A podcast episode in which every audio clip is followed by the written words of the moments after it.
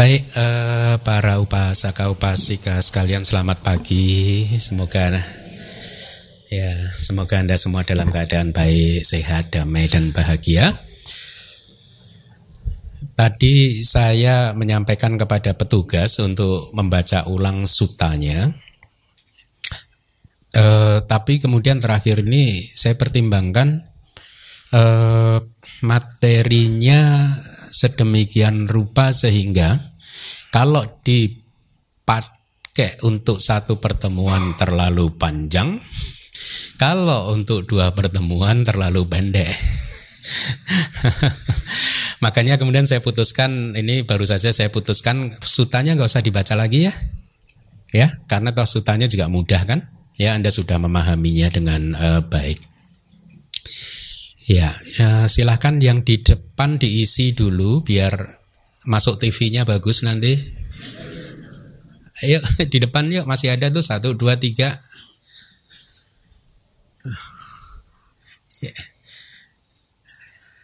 Ya. diisi yang depan, isi yang depan yuk. Hmm.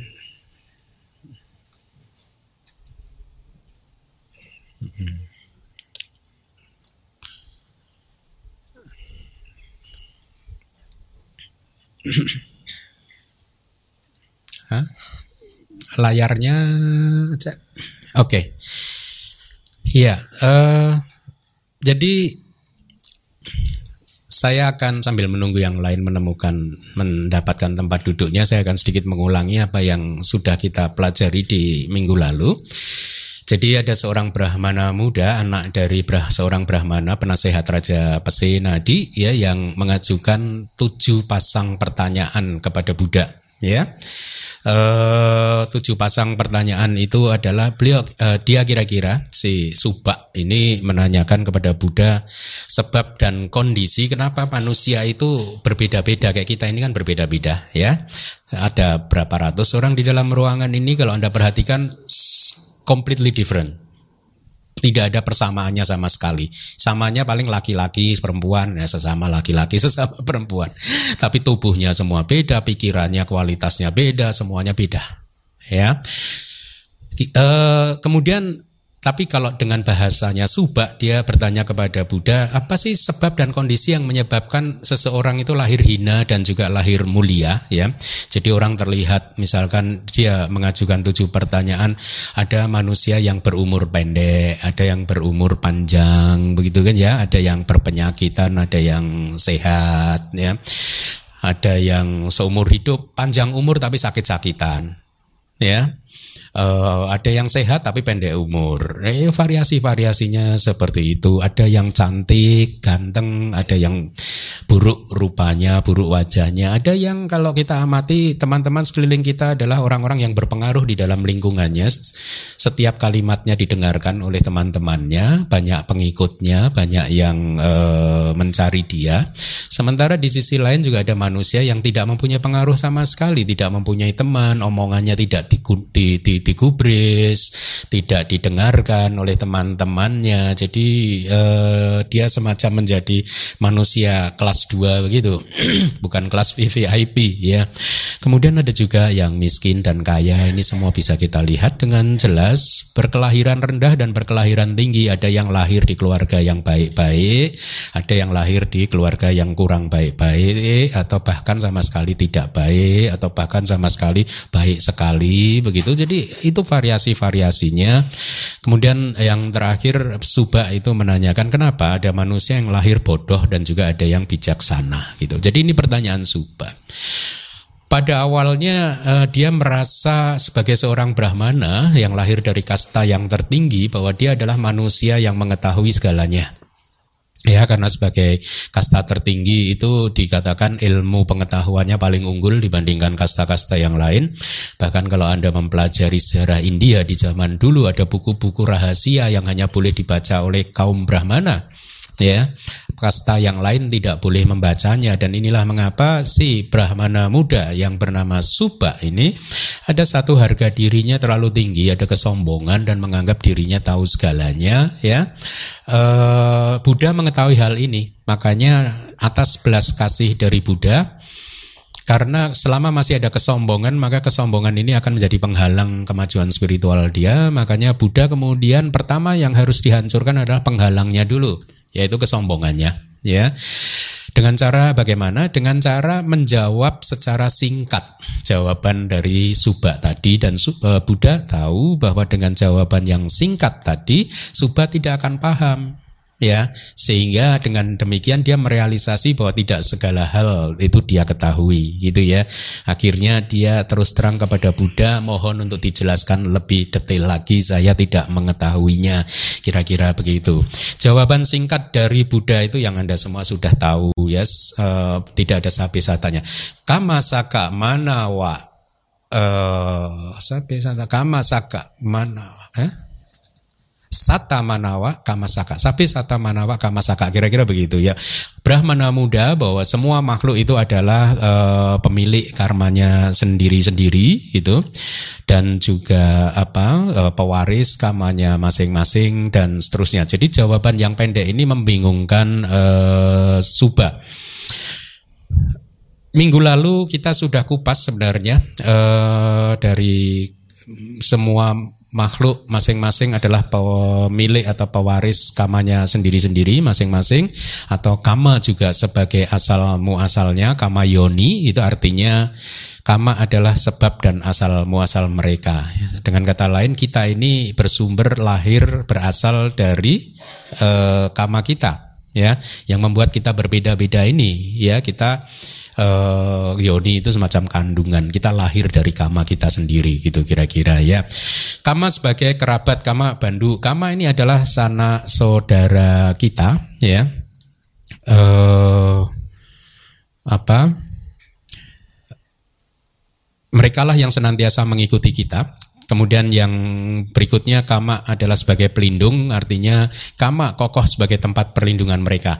Jadi pelindung kita ini sebenarnya kama kita, bukan makhluk siapa pun. Ya, bukan bos Anda, bukan siapa pun itu Anda menyebutnya, tapi perbuatan Anda sendiri.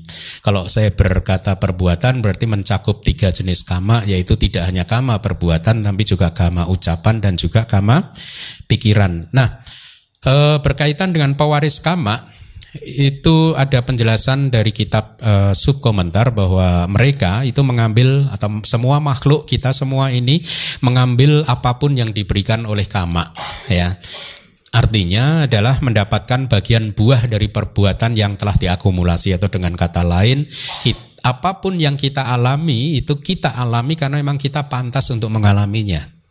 Ya, jadi kalau Anda mengembangkan pemahaman yang seperti ini bahwa apa pun yang Anda alami itu terjadi karena memang Anda pantas untuk mengalaminya karena Anda dulu melakukan perbuatan-perbuatan tertentu dan sekarang di perbuatan itu berbuah melalui sarana pengalaman kehidupan yang Anda alami di dalam kehidupan sehari-hari. Jadi saya ingin tegaskan bahwa kama itu berbuah itu melalui media, melalui sarana ya. Yaitu apa sarananya? Objek-objek panca indera Anda. Apa yang Anda lihat, apa yang Anda dengar, apa yang Anda baui dengan hidung Anda, apa yang Anda rasakan dengan lidah, apa yang Anda sentuh dengan kulit Anda, apa yang Anda pikirkan kadang-kadang, apa yang Anda pikirkan pun juga merupakan itu buah dari kama. Nah, berkaitan dengan objek-objek panca indera sesungguhnya bukan buah karma Anda tetapi objek panca indera tersebut, apa yang Anda lihat, itu adalah media, sarana untuk kematangan buah dari perbuatan Anda sendiri. Jadi apa yang Anda lihat, saya katakan, atau Anda melihat Buddha ini, ya, Anda melihat Buddha rupa. Ya, Buddha rupa di sini adalah media atau sarana untuk kematangan buah kama baik yang Anda lakukan di masa lalu. Ya, kalau saya mengatakan buah kama baik yang dilakukan di masa lalu, kata masa lalu itu bisa berarti satu detik sebelumnya, bisa juga berarti kehidupan-kehidupan kita yang lampau, bukan kehidupan yang sekarang. Ya, pokoknya selain saat yang sekarang mundur ke belakang itu semuanya sudah kehidupan yang lampau. Ya, saya sudah menghitung dengan uh, apa uh, standar modern kira-kira uh, bumi ini sudah berusia berapa? Kalau Big Bang-nya itu kan sudah 13,7 miliar gitu ya. Uh, 13,7 miliar tahun Ya, bisa jadi selama 13 miliar tahun ini kita mengembara-mengembara terus banyak karma yang sudah kita lakukan sejak katakanlah 13 miliar tahun yang lalu sampai hari ini dan mereka semua siap untuk berbuah. Mereka seperti biji mangga yang ditanam hanya membutuhkan air sinar matahari pupuk untuk Anda sirami, Anda rawat supaya dia berbuah. Nah, prinsip bekerjanya kama objek-objek yang masuk ke dalam panca indera Anda, baik itu apa pun yang Anda lihat, Anda dengar dan seterusnya, kalau mereka itu adalah objek yang menyenangkan, maka objek tersebut adalah media untuk mematangkan buah karma Anda. Lalu buah dari perbuatan Anda itu apa?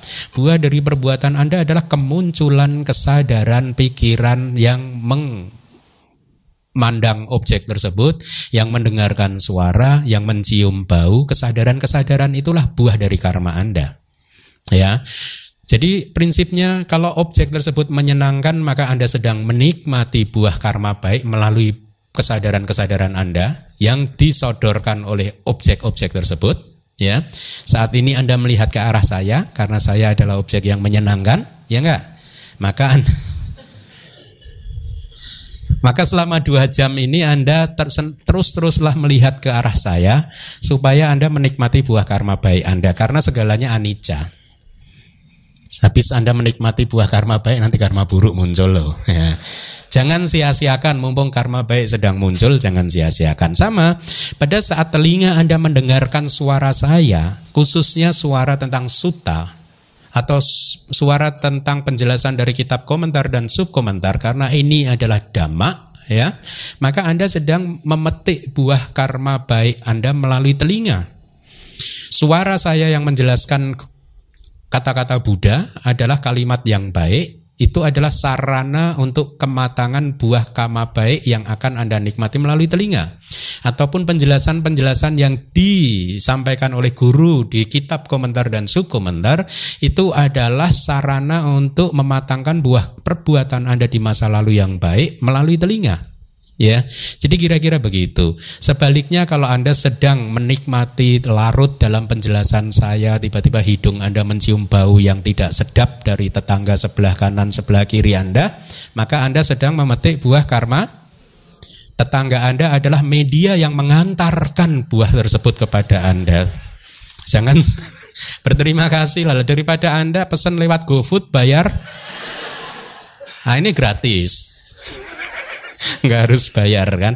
Nah prinsipnya kira-kira begitu. Saya harap Anda uh, bisa memahaminya ya. Jadi objek-objek panca indera itu adalah sarana buah dari karma Anda sesungguhnya adalah kemunculan dari kesadaran yang menikmati objek-objek tersebut ya. Kalau objeknya baik berarti kesadarannya adalah buah dari karma baik yang menikmatinya. Kalau objeknya buruk, maka kesadaran yang menikmatinya adalah kesadaran dari resultan yang tidak baik atau buah karma baik. Nah, untuk hal seperti ini saya tidak bisa menceritakan secara detail di sini. Sebenarnya di kelas Abhidhamma dijelaskan dengan sangat detail sekali hal seperti ini ya. Tapi sebagai pengetahuan dasar cukup uh, Anda pahami kira-kira itu uh, cukup untuk sebagai pegangan Anda ya. Nah, uh, karena kama sebagai pelindung ya, maka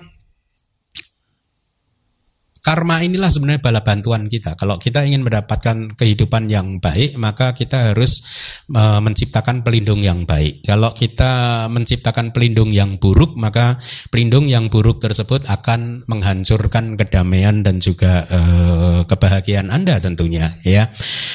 Jadi itu kelas yang lalu sudah kita bahas. Kemudian juga eh, yang terakhir ke minggu lalu adalah eh, kalimat dari Buddha ya eh, yang mengatakan adalah kama yang membagi makhluk-makhluk menjadi hina dan mulia.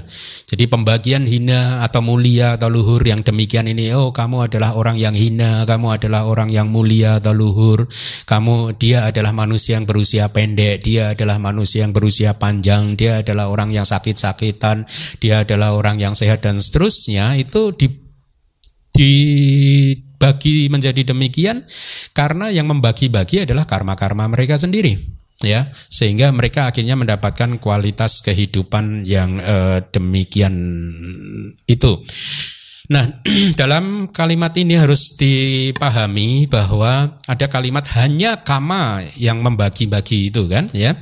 Hendaknya dipahami bahwa karma kita ya sesungguhnya membagi kita menjadi mulia atau tidak mulia itu ya buahnya akhirnya. Gitu. Anda mulia atau Anda hina itu karena buah sudah berbuah karmanya ya sehingga akhirnya dibagi dia adalah orang yang mulia dia adalah orang yang tidak mulia gitu Makanya di minggu lalu dikatakan karma itu memunculkan uh, pergerakan karma itu memunculkan hasil wipaka uh, lingkaran hasil. Itu semua berputar karena masih ada kilesa. Kalau ada kilesa maka karma berhenti. Sudah tidak ada kama lagi ya. Nah, jadi hasil atau buah kama perbuatan kita itulah yang sesungguhnya mendefinisikan siapa kita ya. Uh, sakit-sakitan atau berumur panjang dan lain sebagainya, bodoh atau bijaksana. Nah, eh, kita lanjutkan materi yang baru sekarang. Dengan tujuan untuk kehancuran dari kesombongan Brahmana muda ini dari kitab komentar, Begawan kemudian berkata di dalam hati, pertama-tama saya akan menjelaskannya dengan cara yang sulit untuk dipahami ya. Kemudian ketika dia memintaku dan berkata, "Tuan Gotama, saya tidak paham." ya. Jelaskanlah kepadaku dengan panjang lebar. Ketika diminta demikian, maka aku akan menjelaskannya. Dengan demikian hal ini akan bermanfaat untuk dia ya. Jadi pada saat Buddha berpikir demikian makanya beliau berencana menjawab dengan singkat Eh, terlebih dahulu. Jadi kama sakama nawa sata kama dayada kama yoni kama bandu kama badik sarana yang kamang wibajanti ya. Atau kamang sate wibajati ya didang hina panatayati. Jadi dengan jawaban yang singkat ini kemudian uh, Subha menyatakan bahwa dia tidak paham dan setelah itu Buddha kemudian menguraikan uh, analisis singkat tentang kama ini. Nah, uh, jadi anda perhatikan bahwa Buddha selalu mempunyai maksud yang baik yang didorong oleh Maha Karuna beliau, ya cinta kasih yang sangat hebat, sangat besar dari beliau. Semata-mata untuk kebahagiaan uh, semua makhluk dalam hal ini juga untuk kebahagiaan uh, Brahmana muda yang bernama Suba ya. Beda dengan kita yang masih punya kilesa. Kadang kita ingin membantu orang lain tapi kita dorong ya, kita membantunya dengan didorong oleh kilesa kan, sehingga kadang bantuan yang kita berikan bukannya membuat orang yang seharusnya kita bantu itu menjadi baik tapi malah bisa menjadi semakin menderita. Karena tuntutan kita terlalu berlebihan. Ya kilesa-kilesa kita menuntut terlalu berlebihan. Nah baik kembali lagi. Jadi eh, setelah Buddha menjawab secara singkat, sekarang posisinya adalah eh, bahwa Subha sudah menyatakan bahwa dia tidak memahami dari jawaban eh, Buddha tersebut. Oleh karena itu Buddha kemudian menjelaskan ya kalimat di dalam sutanya kalau Anda masih ingat kira-kira di sini Brahmana muda seorang laki-laki atau perempuan membunuh makhluk makhluk hidup dan ia adalah pembunuh tangannya berlumuran darah, terbiasa memukul dan bertindak dengan kekerasan tanpa belas kasih pada makhluk-makhluk hidup. Ya, oleh karena melakukan dan menjalankan perbuatan-perbuatan yang seperti itu atau yang demikian, maka ketika hancurnya jasmani, artinya ketika dia meninggal dunia, ya, setelah kematian dia akan muncul kembali dalam kondisi menderita di alam tujuan kelahiran yang tidak bahagia dalam kesengsaraan bahkan di neraka. Artinya apa? Kalau karma membunuh ya eh, tadi itu berbuah menghasilkan kelahiran kembali maka kelahiran kembali buat dia si pembunuh ini tidak lain dan tidak bukan adalah salah satu dari empat alam apa ya alam yang penuh penderitaan yaitu alam neraka alam peta, alam asura, atau alam binatang. Makanya di sini Buddha di setiap jawaban Buddha menyampaikan dua alternatif. Alternatif pertama adalah apabila karma tersebut, karma buruk tersebut menghasilkan kelahiran kembali, maka akan memunculkan kelahiran di alam yang rendah. Siapa pun juga, bukan mereka. Kita juga begitu. Kalau kita membunuh, karma pembunuhan itu kalau menjadi karma produktif yang menghasilkan kelahiran kembali akan membuat kita terlahir di empat alam yang rendah ya itu kemungkinan pertama tetapi Buddha juga kemudian memberikan kemungkinan uh, kedua yaitu uh, Tetapi jika ketika hancurnya jasmani itu kata-kata Buddha, ya. Setelah kematian dia tidak muncul dalam kondisi menderita, bukan lahir di alam salah satu dari empat alam apa ya yang penuh penderitaan, tidak lahir dalam alam yang penuh kesengsaraan, tidak di neraka, melainkan dia kembali ke alam manusia, ya, maka di mana pun ia terlahir kembali, ia akan berumur pendek. Jadi di alternatif jawaban yang kedua ini, Buddha menceritakan karma-karma tertentu yang berbuah di sepanjang kehidupan. Jadi ada dua. E, pelajarannya memang seperti itu. Karma itu berbuah di dua momen, di dua titik, di dua saat. Satu Karma berbuah di momen kelahiran kembali. Pada saat detik pertama kita lahir itu adalah buah karma kita ya dari masa lalu. Tapi karma juga bisa berbuah di sepanjang kehidupan kayak sekarang ini Anda melihat sesuatu, mendengar sesuatu, mengalami sesuatu ya. Jadi di dua titik ini makanya tadi Buddha mengatakan kalau karma pembunuh itu menghasilkan kelahiran kembali maka pasti dia akan lahir di alam yang rendah. Tapi kalau tidak berbuah sebagai karma yang menghasilkan kelahiran kembali maka seandainya dia lahir sebagai manusia lahir sebagai manusia yang disebabkan oleh karma baik bukan karma membunuh ya. Karma baik yang lain berbuah menghasilkan kelahiran sebagai manusia maka karma membunuhnya tadi apabila berbuah di kehidupan sehari-hari akan membuat dia berusia pendek Begitu pemahamannya. Dari semua tujuh pasang uh, pertanyaan subak, Buddha menguraikan dua alternatif jawabannya itu, yaitu karma menghasilkan kelahiran kembali dan karma menghasilkan penghas, uh, pengalaman kehidupan sehari-hari. Ya, nah Uh, kemudian Buddha mengatakan demikianlah Brahmana muda hal ini jadi karma membunuh ya. Kemudian tangan berlumur darah memukul bertindak dengan kekerasan tanpa belas, belas kasih mengarah pada umur yang pendek apabila dia lahir sebagai manusia ya. Nah Eh, makanya kita bisa menduga kalau kita melihat sekeliling kita ada seorang bayi baru lahir berapa bulan kemudian meninggal dunia atau ada anak kecil umur masih sangat muda kemudian meninggal dunia. Kemungkinannya itu karena adanya kama buruk dari masa lalu yang memotong kehidupannya. Bisa jadi itu karma pembunuhan yang sedang berbuah ya. Nah sekarang anda tahu kan bahwa kalau usia pendek itu hasil dari karma bu Ruk usia panjang hasil dari karma? Baik bagus ya. Nah kemudian hal itu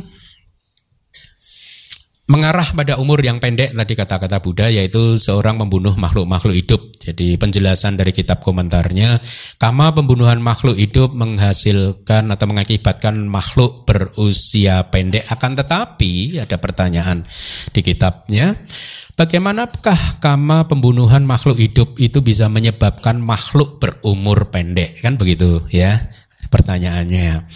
Di kitab komentar kemudian di elaborasi ada empat jenis karma ya.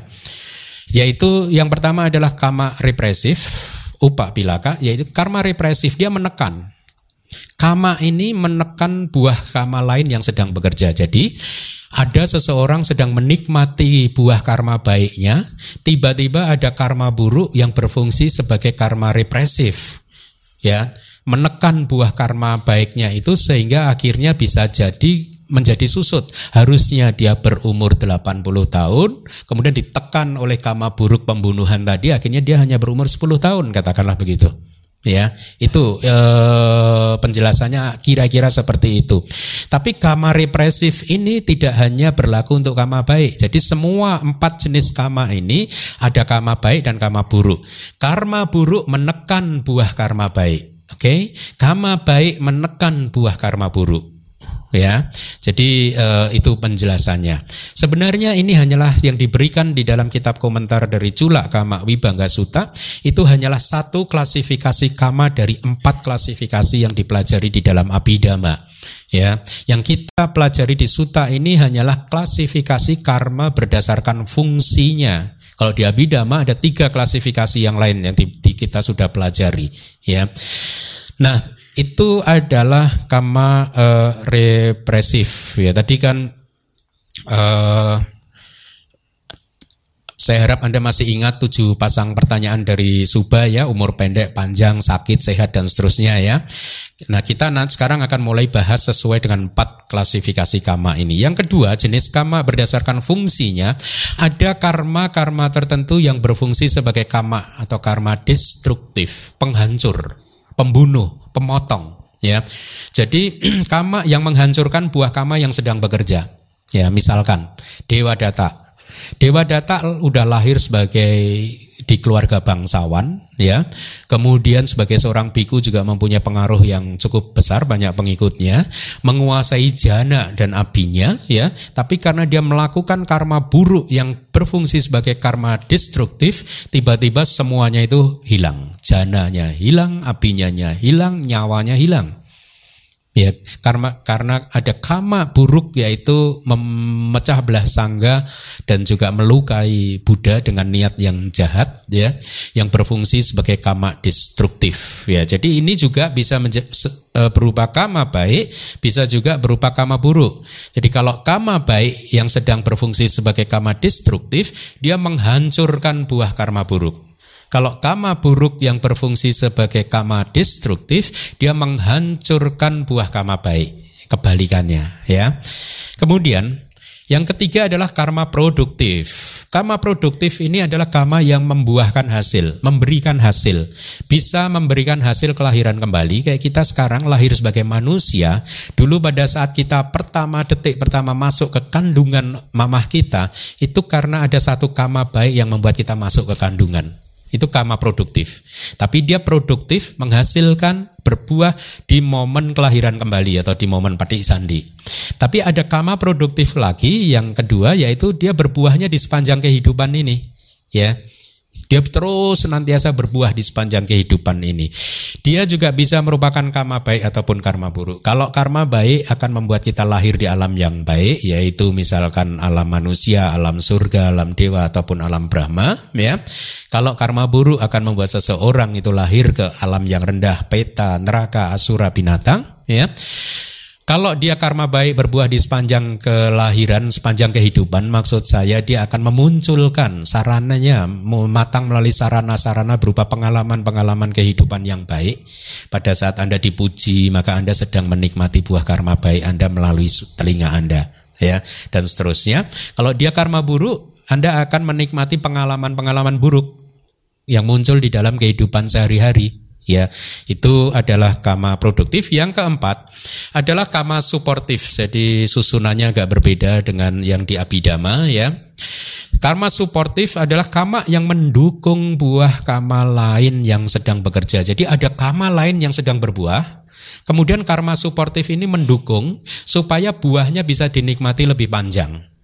Atau kualitas kehidupannya bisa dilihat dinikmati lebih bagus lagi misalkan.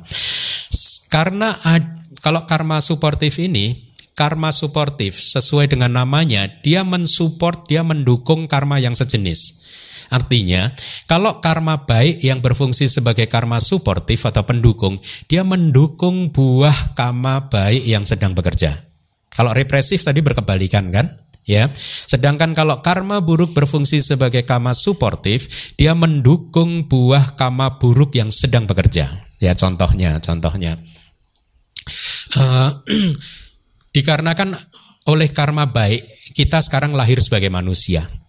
Karena karma baik kita sebagai karma produktif memunculkan kelahiran kita sebagai manusia, ya.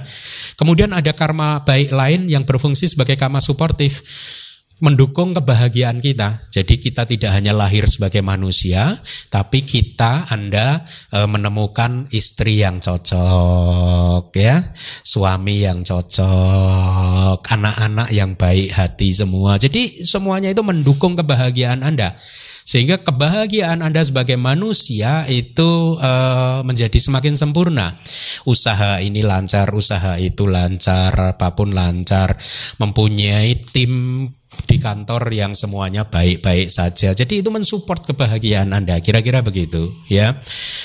E, kalau karma suportif e, yang buruk itu dia akan mendukung buah karma buruk kan, ya seseorang dikarenakan adanya karma produktif lahir sakit-sakitan.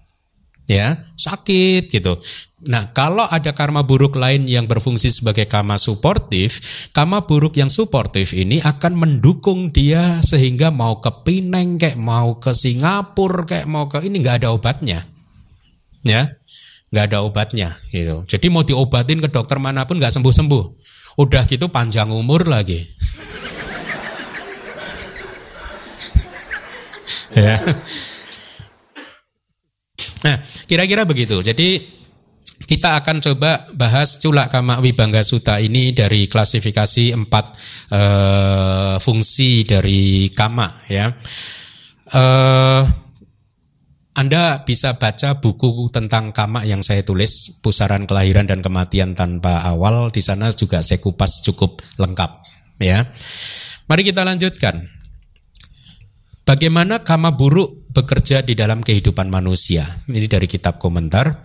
Jadi ketika seseorang lahir melalui sebuah kama baik, jadi katakanlah lahir sebagai manusia, sebagai kama baik yang kuat, kemudian ada kama buruk represif datang dan berkata seperti ini. Nah ini agak beda kalau bahasa suta dan bahasa abidama itu bedanya begitu, tapi maknanya sama ya. Jadi seolah-olah kamar represif yang pertama tadi itu datang dan berkata seperti ini, eh seandainya saya itu tahu sejak awal, maka saya tidak akan membiarkan kamu lahir di alam bahagia ini. Gitu, ya. Saya akan melahirkanmu di empat alam yang penuh penderitaan. Neraka, peta, asura, binatang. Tapi ya sudahlah, kamu udah lahir sebagai manusia, tapi di mana pun kamu lahir, saya, yaitu yang bernama kamar represif, setelah menganiaya kamu, aku akan membuatmu malu tanpa daya, hidup tanpa rasa, dan tidak berharga. Jadi dia menekan, menekan kebahagiaan dari manusia, ya kama buruk represif. Ya karena dia lahir sebagai manusia, sebagai buah kama baik kan, karma represifnya adalah karma buruk. Jadi dia menekan kebahagiaan dia, ya. Jadi dia memberikan ancaman, tunggu saja tanggal mainnya gitu. Saya akan buat kamu teraniaya, malu, tanpa daya, tanpa rasa dan tidak berharga gitu. Nah, eh, jadi kamar represif ini adalah kalau dia sedang berfungsi muncul maka tentu saja dia merupakan kama yang kuat sekali. Sehingga dia mampu menekan buah kama baik yang sedang bekerja ya. Kita gara-gara satu karma kita dari kelahiran lampau kita ya yang membuat memunculkan kelahiran kita saat ini sebagai manusia itu satu karma saja ya. Tetapi buah dari satu karma ini senantiasa kita nikmati di sepanjang kehidupan sampai meninggal nanti loh bahkan sampai detik terakhir itu buah karma itu itu masih kita nikmati terus gitu ya. Tapi kalau ini diganggu oleh kamar represif, ya kita akhirnya seperti sedang makan buah uh, durian montong gitu. ya, tapi duriannya ada uletnya. Jadi nggak enak lagi gitu. Hidup udah jadi manusia, nggak bisa menikmati kelahiran sebagai manusia ini dengan maksimal. Sayang kan? Ya, jadi itu kira-kira e, cara bekerjanya dari kama represif ya. Nah, uh, seolah-olah menganiaya, menyakiti, menghancurkan kebahagiaan dan kedamaian kehidupan manusia. Ya. Apabila kama-kama buruk tersebut ada kama buruk yang e, berbuah di pati sandi atau kelahiran kembali sebagai karma produktif ya akan menghasilkan kelahiran di empat alam yang penuh penderitaan kan tadi sudah saya sampaikan ya. E, tapi kalau tidak, dia akan menekan seperti itu. Jadi membuat usia pendek dan lain sebagainya. Lalu ada lagi pertanyaan, tapi bagaimana kama tersebut menekan kita? Bagaimana dia melakukannya di kitab komentar itu begitu pertanyaannya.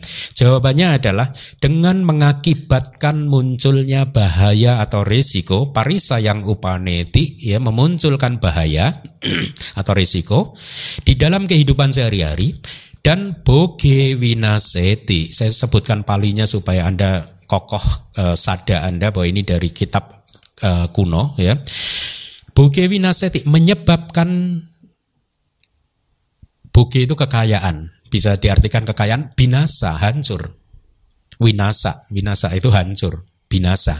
Jadi atau hilang. Kalau Anda bisnis sudah lancar ya, udah mengumpulkan eh, tabungan banyak sekali tiba-tiba hancur, hilang.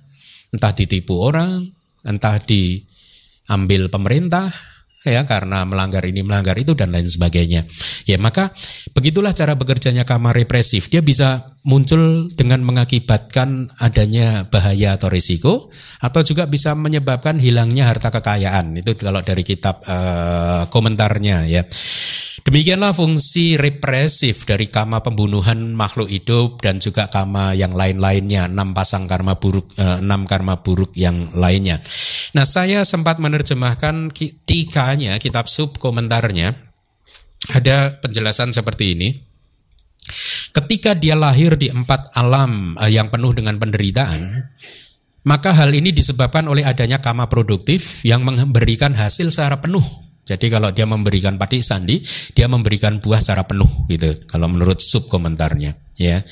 Tidak hanya berbuah di sepanjang kehidupan, tapi juga uh, tidak hanya di padi sandi, tapi biasanya dia akan juga berbuah di sepanjang kehidupan. Tadi saya katakan kan, sampai detik terakhir pun, cuti atau kesadaran kematian pun itu juga buah dari karma kita. Ya.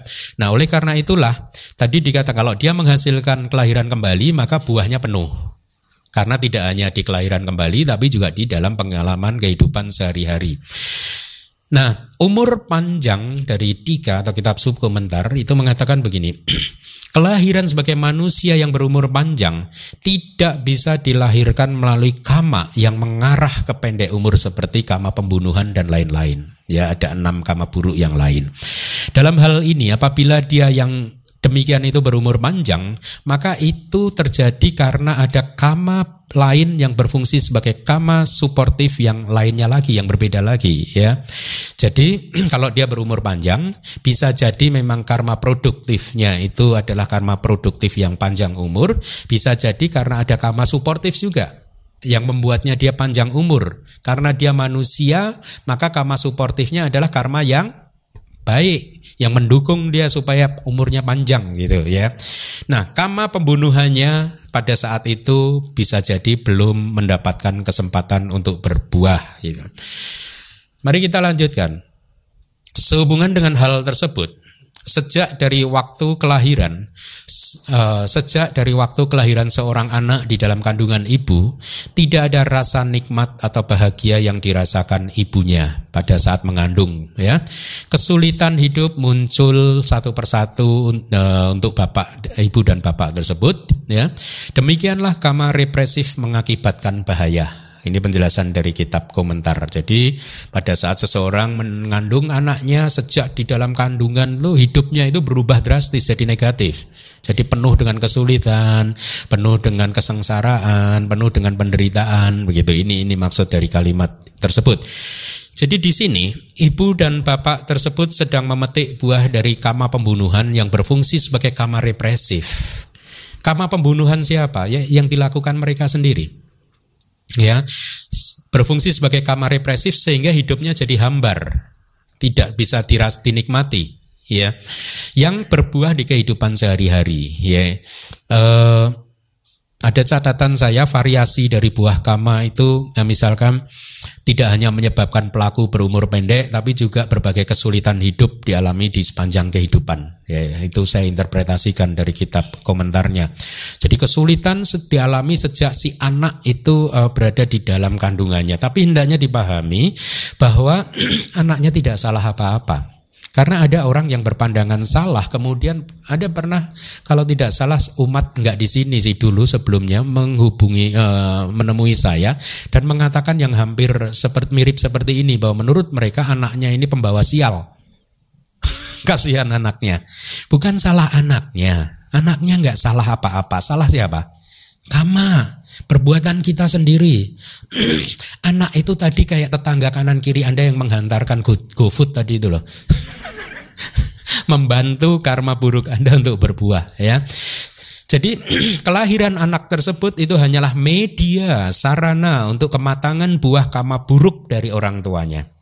Ya, buah kama buruk eh, tersebut ya kembali lagi buah dari kama buruk itu bukan anak yang lahir itu, Buah dari kama buruk adalah kemunculan kesadaran yang sengsara tadi, mengalami kesulitan tadi. Itu buah. Anaknya bukan buah. Ya.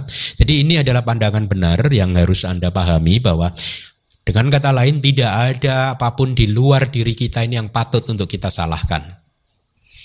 Sebaliknya tidak ada juga sesuatu di luar dari dunia ya, diri kita ini yang juga bisa menjadi pelindung kita yang memunculkan kesuksesan, eh, kedamaian dan kebahagiaan selain kama kita sendiri ya. Nah, kita lanjutkan. Selanjutnya, sejak dari waktu kelahiran seorang anak di kandungan ibu Harta benda di rumah musnah melalui cara-cara seperti disita oleh raja dan lain-lain dari teks kuno kita. Seperti garam yang tiba-tiba larut di dalam air. Ya, ada kan? E, saya juga bertemu dengan teman-teman lama saya waktu sekolah. Katakanlah 6 tahun, 7 tahun yang lalu saya bertemu mereka kaya raya, tiba-tiba 2 tahun yang lalu saya bertemu mereka udah bangkrut. Udah kayak garam masuk ke air lenyap harta bendanya tiba-tiba hilang gitu ya. Kita sedang berbicara tentang kama represif yang buruk ya, kama yang uh, pembunuhan dan lain sebagainya ya.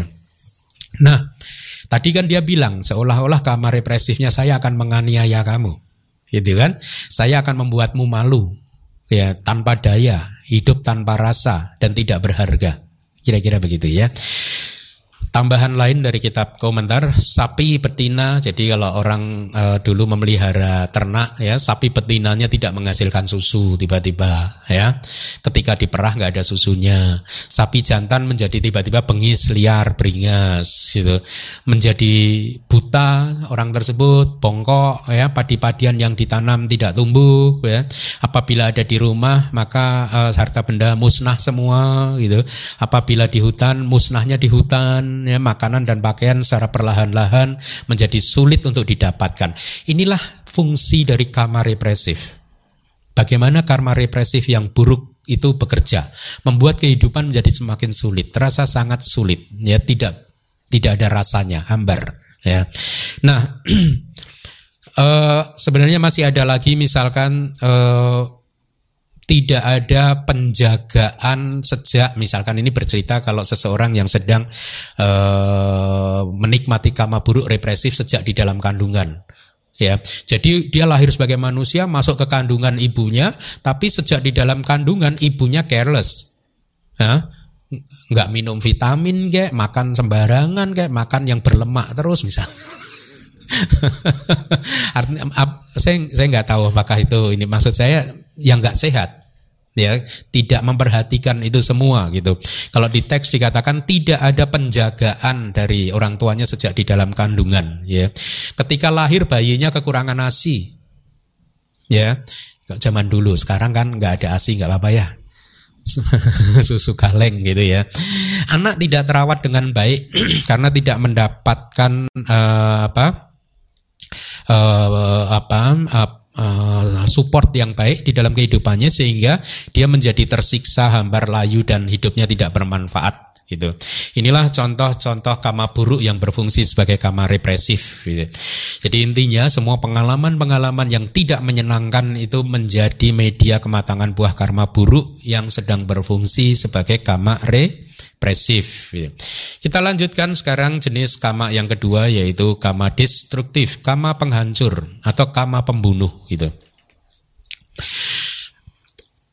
Eh, karma destruktif ini juga ada dua kan, karma baik atau karma buruk. Tapi kita sedang berbicara karma buruk. Dia menghancurkan buah karma baik gitu ya. Jadi eh, apa? Eh, dijelaskan begini, seseorang yang lahir melalui sebuah kama yang meng, harusnya menghasilkan umur panjang, lalu ada sebuah kama pembunuhan yang destruktif, berfungsi sebagai kama destruktif, datang dan tiba-tiba memotong usia dia, menjadi akhirnya umur pendek. Harusnya panjang umur. Inilah mengapa kita nggak percaya takdir kan, ya bahwa segala sesuatu sudah ditentukan sejak awal. Enggak, ya. Anda bisa mengolah kehidupannya itu menjadi panjang atau pendek. Ya. Kalau ingin panjang umur jangan berpikir ah umur panjang atau umur pendek itu kan sudah ditentukan oleh karma kita masa lalu. Enggak. Karma ciptakan karma pendukung untuk panjang umur. Hidup sehat makan teratur olahraga teratur karma-karma pendukung ya. Jadi kita makanya sering dikatakan kita adalah pencipta dari kehidupan kita sendiri. Kita ciptakan yang baik.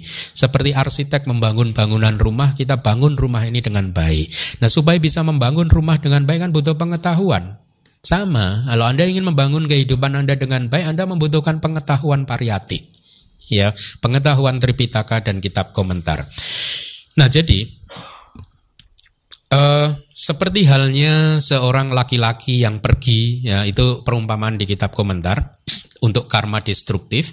Jadi karma destruktif ini karma yang tiba-tiba menghancurkan buah karma lain yang sedang bekerja.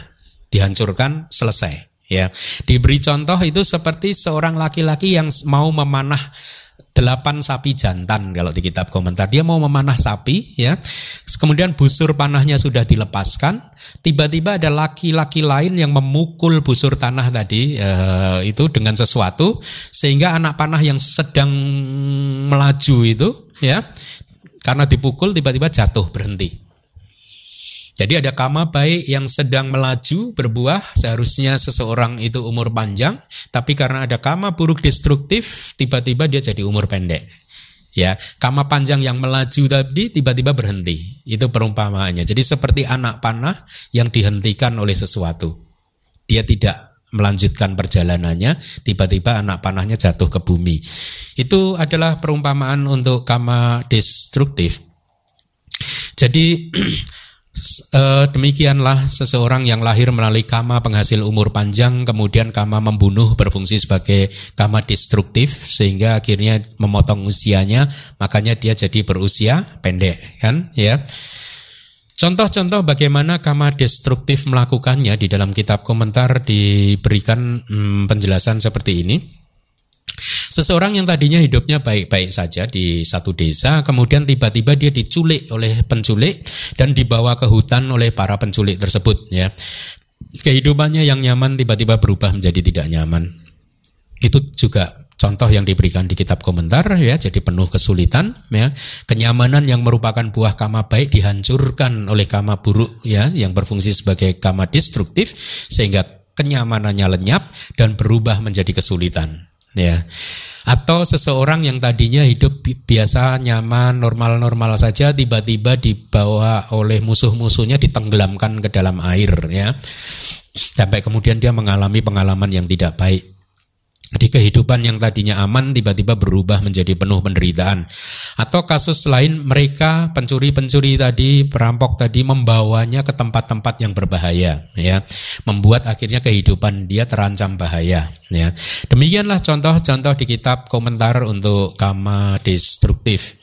Selanjutnya yang ketiga yang dinamakan kama produktif adalah kama penghasil patik sandi atau kama penghasil kelahiran kembali dan kesadaran resultan ya kesadaran yang menikmati pengalaman kehidupan kita sehari-hari melalui panca indera kita ya atau kadang buah pikiran kita itu juga bisa jadi merupakan buah dari kama kita. Nah, karma pembunuhan apabila dia menjadi kama produktif yang menghasilkan patik sandi maka dia akan terlahir di empat alam apaya ya. Uh, dengan demikian kama ini berbuah secara penuh, ya tidak hanya di dalam kelahiran kembali karena dia pasti di sepanjang kehidupan juga akan berbuah. Kemudian yang keempat, yang dinamakan kama suportif adalah kama penyokong yang menyebabkan munculnya keberhasilan, kekayaan, kesehatan, martabat, ya mempunyai banyak pengikut dan lain lain untuk seseorang yang lahir di keluarga yang miskin dan lain-lain. Karena kita sedang berbicara tentang kehidupan manusia ini ya lahir sebagai manusia adalah buah dari kama baik maka kama suportif mendukung kebahagiaan dia sebagai manusia karena apabila kama buruk yang berfungsi sebagai kama suportif ya maka dia hanya mendukung menopang buah karma buruk yang lain ya jadi eh, kalau kita berbicara kama buruk sebagai kama suportif, maka dia hanya bisa mensupport mereka yang lahir di empat alam apaya. Ya. E, bukan yang e, kita sedang berbicara di kelahiran e, manusia. Misalkan ada satu makhluk lahir sebagai binatang ya. Udah gitu karma suportif membuatnya dia kesulitan cari makanan ya. Sakit-sakitan gitu, dan seterusnya gitu. Nah eh, atau bahkan kalau di teks ada lahir sebagai binatang sulit cari makanan sehingga kurus kering sakit-sakitan panjang umur. Ya, itu di teks ada. Jadi panjang umur kalau di alam binatang itu bisa jadi karma suportif yang buruk loh ya. Ya dia mendukung penderitaannya supaya makin intens makin lama gitu makin berat gitu. Nah eh, saya harap itu anda pahami bahwa karma suportif mendukung buah karma yang sejenis. Karma represif menekan buah karma yang berbeda ya karma baik menekan karma buruk karma buruk menekan karma baik nah eh, di kitab sub komentar berkaitan dengan poin nomor 4 Seseorang yang berumur panjang itu dia tidak lahir melalui kama yang menuntun ke umur pendek. Jadi tidak ada ceritanya kama pembunuhan dan lain-lain menghasilkan umur panjang di alam manusia ya. E, melainkan oleh kama lain yang berfungsi sebagai kama suportif yang menjadikannya dia berumur panjang atau menjadi sebab untuk umur panjang atau ada kama produktif lain yang menghindari pembunuhan Ya, jadi e, Kama menghindari pembunuhan. Tadinya sebenarnya patik sandinya itu e, mungkin e, tidak cukup kuat, tapi karena ada Kama produktif yang baik, karena dia menghindari pembunuhan, akhirnya dia mendukung yang katakanlah tadinya pendek, akhirnya menjadi panjang gitu. Nah, umur panjang juga tidak bisa lahir melalui kama-kama yang mengarah ke wajah buruk. Jadi kalau anda ingin panjang umur, jangan suka marah-marah, ya. Karena kemarahan tidak bisa menyebabkan panjang umur atau karma yang mengarah ke sedikit pengaruh atau karma yang mengarah ke kelahiran di keluarga yang rendah atau menjadi orang bodoh dan lain sebagainya uh, itu tidak bisa uh, menjadi karma pendukung untuk manusia yang uh, panjang umur atau bahagia dan lain sebagainya. Nah, mari kita lanjutkan. Sehubungan dengan hal tersebut, Kama pembunuhan makhluk hidup adalah kama yang mengarah ke umur pendek sebagai manusia di sini melalui fungsi sebagai kama destruktif. Disebabkan adanya kama pembunuhan makhluk hidup maka kama baik yang dilakukan tidak menjadi kama yang unggul ya. Kondisi demikian membuatnya tidak mampu menghasilkan petik sandi yang umur panjang nih lihat nih ya. Saya akan jelaskan. Jadi eh, kama pembunuhan uh, adalah kama yang mengarah ke umur pendek melalui fungsi sebagai kama destruktif. Disebabkan adanya kama pembunuhan, maka kama baik tidak bisa menjadi kama yang unggul. Itu maksudnya adalah seseorang lahir sebagai manusia, ya, sesungguhnya itu adalah lahir dari kama yang unggul, yang bisa membuatnya panjang umur. Tapi karena ada kama pembunuhan itu, maka kama tadi jadi KW-nya menurun. Tadinya ori jadi KW 3 jadi pendek umur. Kira-kira begitu ya. Begitulah cara bekerjanya kama ya. Kama baik yang unggul apabila dihambat oleh kama pembunuhan kualitasnya akan menurun gitu. Uh, jadi di kitab komentar ada penjelasan begini, seolah-olah kama pembunuhan itu membatasi patik sandi atau kelahiran kembali menjadi usianya pendek. Seolah-olah mempersingkat gitu. Tadinya harusnya panjang jadi dibatasi jadi usia pendek gitu. Nah, ini ada penjelasan sangat abidama sekali. Sani dana ce tenaya wani rayeni batati. Artinya sani dana ce tenaya kehendak yang menuntaskan atau kehendak pemungkas itu atau dari kama pembunuhan tadi ya eh, melahirkan seseorang ke neraka. Di, eh, jadi Sebenarnya ini sedang berbicara tentang abidama. Kalau kita melakukan satu karma, katakanlah seseorang melakukan karma pembunuhan. Ya, pembunuhan apa? Katakan nyamuk, katakanlah ya, yang mudah dibayangkan. Ya di rumah kok banyak nyamuk, ambil aja. Ini berapa menit? Hmm? Satu menit?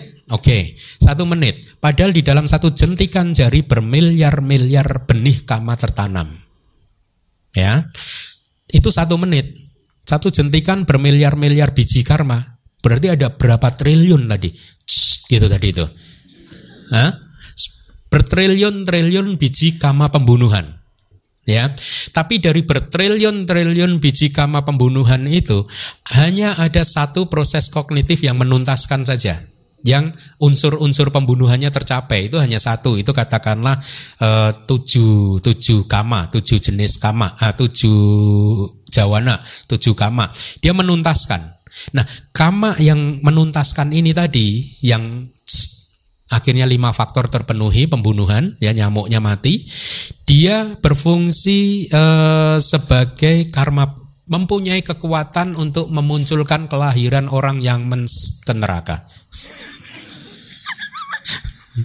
Hah? Masa sih bantai nyamuk? Hah? Ya bisa jadi. Namanya pembunuhan kan Buddha nggak menyebut pembunuhan kecuali nyamuk. Nggak ada. Nggak ada pengecualiannya loh. Tadi hanya pembunuhan aja. Itu adalah jalan yang mengarah ke usia pendek atau lahir ke empat apa ya loh. Hati-hati loh. Hmm? Ya, makanya pakai kelambu. Ya, tapi dari bermiliar-miliar, bertriliun-triliun benih kama tadi, dari satu menit tadi, ya hanya tujuh yang menuntaskan tadi, ya katakanlah begitu. Karma sebelum itu dan sesudahnya itu dia bisa berfungsi sebagai kam, uh, dengan fungsi yang lain, ya. Akhir, misalkan sebagai karma represif kalau dia lahir sebagai manusia, atau kalau dia lahir di neraka sebagai karma suportif itu ya tidak sebagai kama produktif yang menghasilkan kelahiran tapi dia mendukung atau menekan itu itu penjelasan dari kitab subkomentar suta yang sama dengan abidama mereka yang sudah belajar abidama bisa menyelami ini lebih dalam lagi.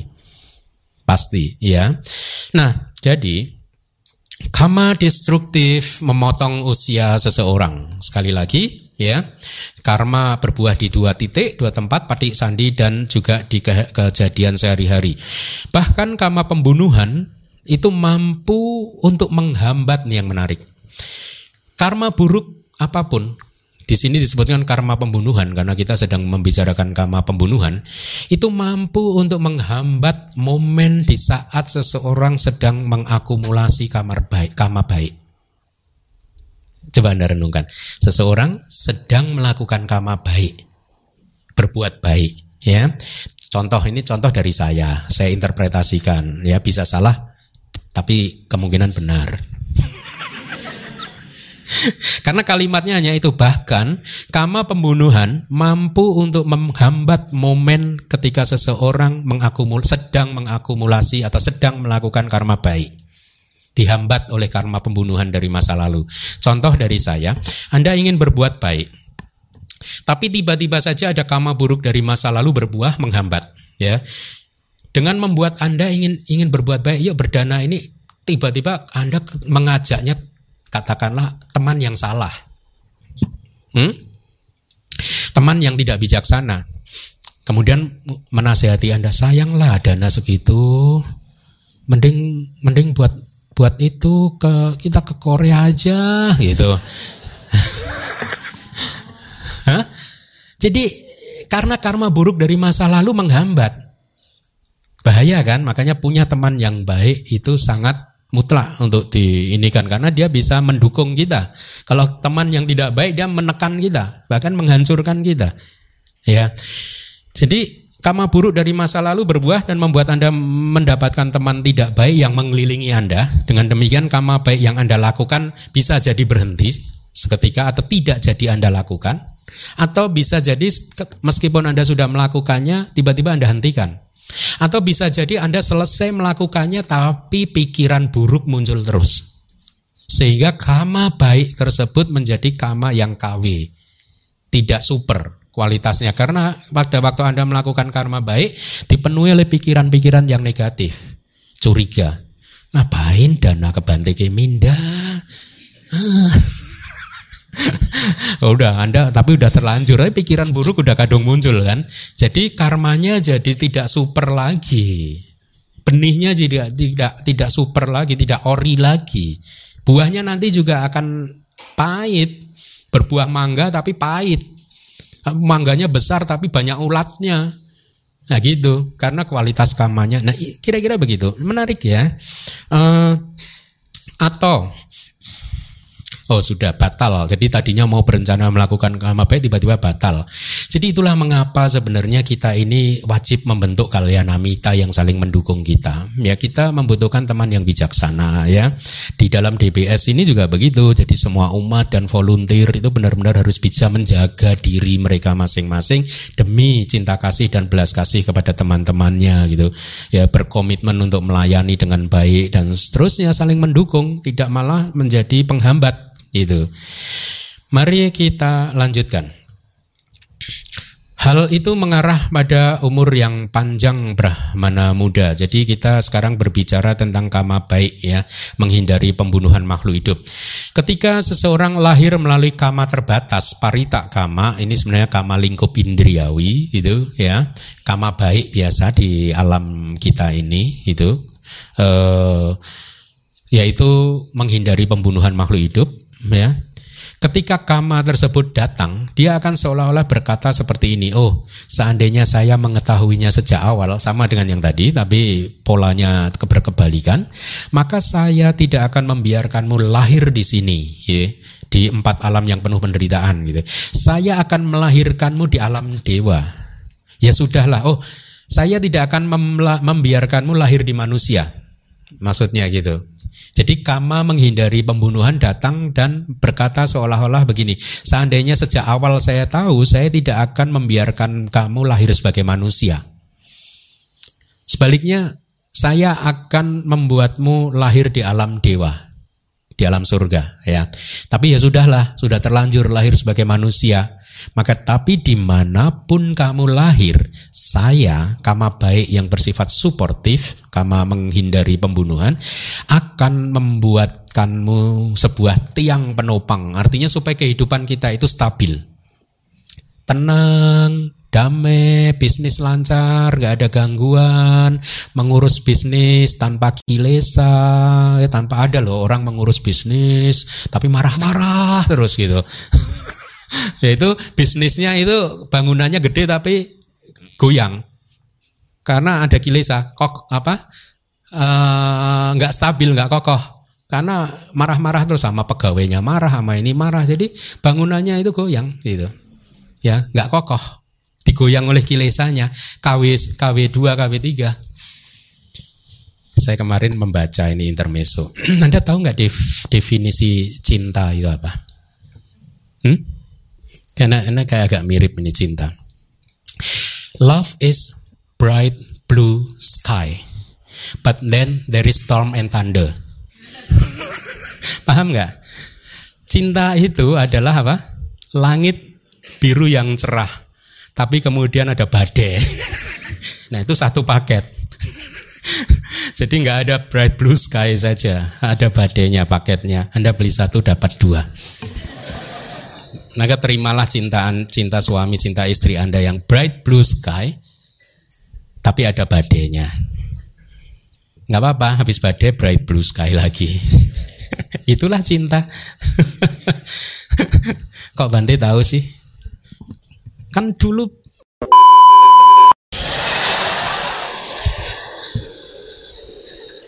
Lu kok ketawa sih?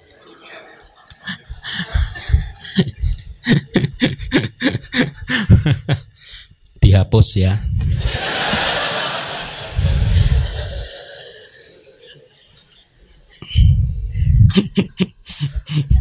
ya.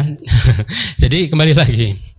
Kama menghindari pembunuhan, begitu dia akan mensupport, menciptakan sebuah tiang penopang ya. Mari kita lanjutkan. Sehubungan dengan hal tersebut, Kebahagiaan dan kegembiraan untuk ibu dan ayah dirasakan sejak kelahiran seorang anak di kandungan ibu ya. Bahaya-bahaya manusiawi maupun bukan manusiawi yang lazim terjadi semuanya menjauh ya. Demikianlah bagaimana kama suportif mengusir bahaya. Jadi ini kita sedang berbicara tentang kama suportif yang baik ya. Dia mendukung buah kama baik yang sedang bekerja ya. Ketika seseorang lahir sebagai manusia itu sebagai buah kama baiknya, maka kama menghindari pembunuhan membuatnya uh, uh, bisa menikmati kehidupan, bisa menikmati kebahagiaannya dengan baik ya. Hidup riang gembira dan seterusnya ya. Hidupnya nyaman-nyaman saja. Kelahiran anak tadi hanya mengkondisikan munculnya buah dari kama baik yang dilakukan oleh ibu dan ayah di masa lalu penjelasannya sama. Kita lanjutkan.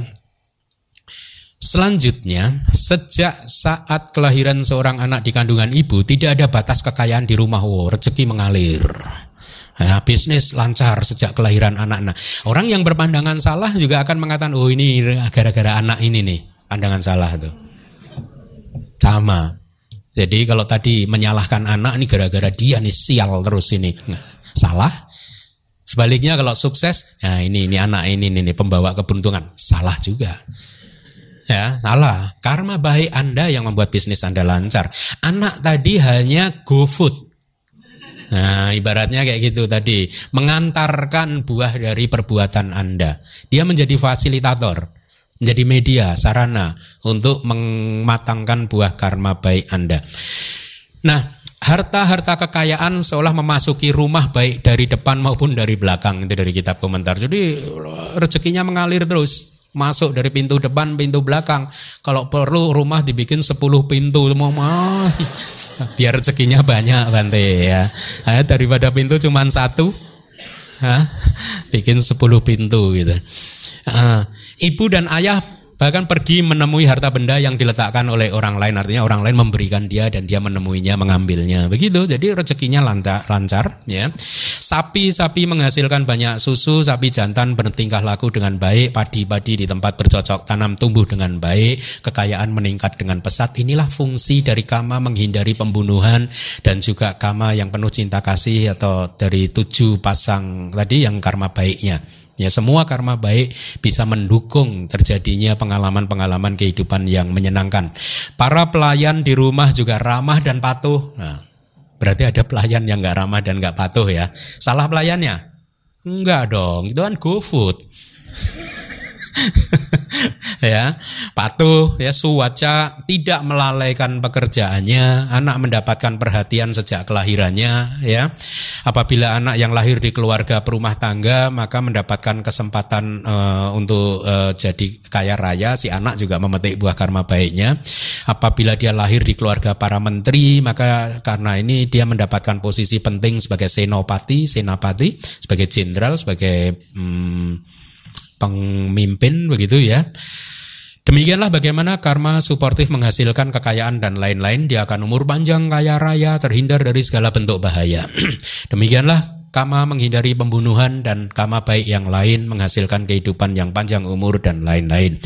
Disebabkan oleh karena adanya kama menghindari pembunuhan yang telah dilakukan, maka kama baik yang lain menjadi kama yang unggul, ya, dan mampu menghasilkan pati sandi panjang umur. Jadi karma menghindari pembunuhan itu bisa mendukung karma produktif kalau menurut penjelasan ini.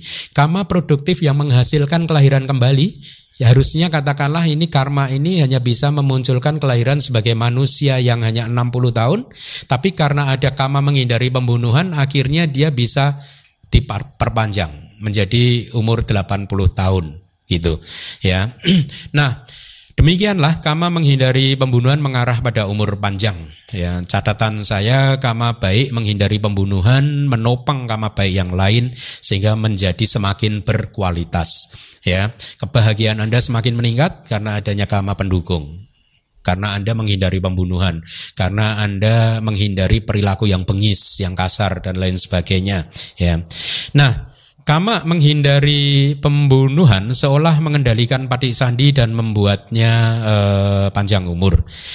Sani dana C tanaya wadewa loke nibatati kehendak yang menuntaskan sama seperti tadi ya kehendak yang tadi kalau ini kebalikannya yang menuntaskan itu memunculkan kelahiran di alam dewa tapi kehendak sebelum dan sesudahnya menjadi karma pendukung yang membuatnya panjang umur gitu ya.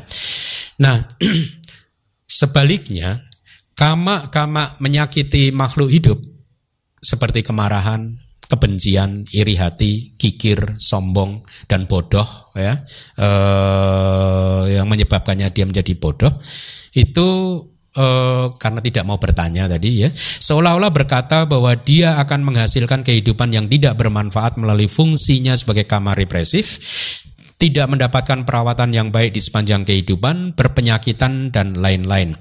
Oleh karena adanya kama menyakiti makhluk hidup dan lain-lain, karma buruk yang lain, maka kama baik yang dilakukan tidak bisa menjadi kama yang unggul dan berbuah besar. Kayak mangga tapi terganggu, buahnya nggak bisa maksimal begitu. Banyak penyakit bermunculan dan lain sebagainya kehendak yang menuntaskan kembali lagi menghasilkan pati sandi di alam yang penuh penderitaan. Tapi apabila dia lahir sebagai manusia, maka kehendak sebelum dan sesudah menghasilkan banyak penyakit, kesengsaraan, dan lain-lain. Ewam sabam aku salang sabah sang wipati nang upani sayoti. Demikianlah semua bentuk kama buruk menjadi penopang untuk semua bentuk kegagalan. Jadi kalau ada seseorang di dalam kehidupannya itu penuh dengan kegagalan karena ada kama buruk yang sedang uh, menekan dan akhirnya menekan kebahagiaan dia setelah dia tidak bahagia disupport lagi sehingga ketidakbahagiaannya menjadi panjang berkepanjangan gitu. Seseorang yang sudah lahir sebagai manusia tetapi kesulitan untuk menjalankan bisnis, kesulitan untuk mendapatkan rezeki itu terjadi karena adanya kama represif. Sebaliknya semua bentuk kama baik menjadi penopang untuk semua keberhasilan. Itu catatannya kama-kama yang tidak menyakiti makhluk lain yaitu kama yang tanpa kemarahan, ya, bebas dari kebencian, bebas dari iri hati, kikir, bebas dari kesombongan dan bebas dari kebodohan, menghasilkan kehidupan yang bermanfaat, bisa menikmati kehidupan karena adanya kama-kama baik yang suportif. Di syair sutanya ada kalimat uh, di sini Brahmana muda, seorang laki-laki atau perempuan memiliki karakter pemarah dan mudah tersinggung. Bahkan jika dikritik sedikit, ia menjadi tersinggung, menjadi marah, bermusuhan, dan kesal, dan menunjukkan kemarahan, kebencian, dan kekesalan. Karena melakukan dan menjalankan perbuatan-perbuatan demikian, ketika hancurnya jasmani setelah kematian, ia muncul kembali di dalam kondisi menderita. Kalau kama produktif. Tapi apabila dia lahir sebagai manusia, maka di mana pun ia terlahir kembali, ia akan memiliki rupa yang buruk. Demikianlah murid atau Brahmana muda, hal itu mengarah pada wajah yang buruk, yaitu seseorang yang memiliki karakter pemarah dan lain sebagainya. Menunjukkan kemarahan, kebencian, dan kekesalan. Jadi saya sampaikan suta ini untuk Anda supaya bisa uh, Anda renungkan dan kemudian kalau Anda menemukan kualitas yang positif di dalam kehidupan Anda, Anda bisa mengapresiasi kehidupan Anda ya sehingga uh, uh, Anda semakin berkomitmen untuk melakukan karma baik ya. Sekarang minimal Anda sudah mengerti ya melalui pemahaman yang benar tentang bagaimana bekerjanya karma ya. Uh, bahwa karma bisa bekerja seperti demikian itu. Mari kita lanjutkan. Di suta kan ada kan seorang laki-laki perempuan bersifat iri, pencemburu, gampang kesal hatinya, iri terhadap harta benda, pujian, penghargaan, penghormatan, sanjungan, dan pemujaan yang diterima oleh orang lain, kira-kira begitu ya. E, karena melakukan itu maka ia bisa lahir di empat alam yang bawah. Tapi kalau dia lahir sebagai manusia maka pengaruhnya akan sedikit. Sama aja. Kita dalam kehidupan sehari-hari kalau ketemu orang yang apa namanya itu istilahnya pikirannya negatif terus gitu yang penuh racun begitu itu ya. Kita juga nggak mau kan ya deket-deket sama dia ya. Ya lama-lama teman-teman dia juga menjauhi ya.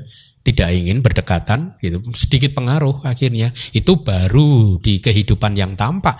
Kalau dia berbuah lagi di kehidupan berikutnya tambah parah. Dia akan kehilangan teman akan ditinggalkan teman. Nah eh, Iri hati itu hati yang berasosiasi dengan kecemburuan, kesal itu orang menjadi kesal dan bahkan memaki karena didorong oleh kecemburuannya gitu ya. Kemudian memiliki sedikit pengaruh itu sedikit pengikut di kitab komentar diberikan seperti anak panah gitu yang dibuang di malam hari tidak terlihat jelas, tidak ada orang yang bisa melihatnya gitu. Duduk dengan tangan kotor pun bahkan dia tidak mendapatkan dayaka yang memberi air. Itu cerita tentang biku. Biku udah tangannya kotor, nggak punya makanan gitu ya. Ada dayaka yang lewat bahkan air pun tidak diberi. Air minum gitu. Ya. Ada bahkan hal-hal seperti ini juga terjadi di kalangan biku juga. Ada biku-biku tertentu yang kesulitan ini kesulitan itu gitu. Jadi ini bagaimana karma karma buruk itu bekerja di dalam kehidupan sehari-hari. Kita bisa melihat di sekeliling kita kan ada saja manusia yang kesepian karena tidak punya banyak teman, dimusuhi teman-temannya. Ya hal ini karena adanya karma represif dari iri hati dan seterusnya. Selanjutnya, seorang laki-laki atau perempuan bukan pemberi makanan, tidak suka berdana, ya. Minuman, dana minuman atau pakaian, kereta, kalung bunga, wangi-wangian dan seterusnya. Hal seperti ini bisa memunculkan kelahiran di alam yang rendah, tapi kalau dia lahir sebagai manusia, dia akan menjadi miskin. Manusia yang miskin. E, jadi kemiskinan disebabkan oleh ini. Ya, e, dia tidak suka berdana. Bukan pemberi karena dikarenakan kikir dia. Jadi berbeda halnya kalau seorang yang benar-benar miskin nggak punya apa-apa yang bisa diberikan, dia tidak bisa memberi ya wajar.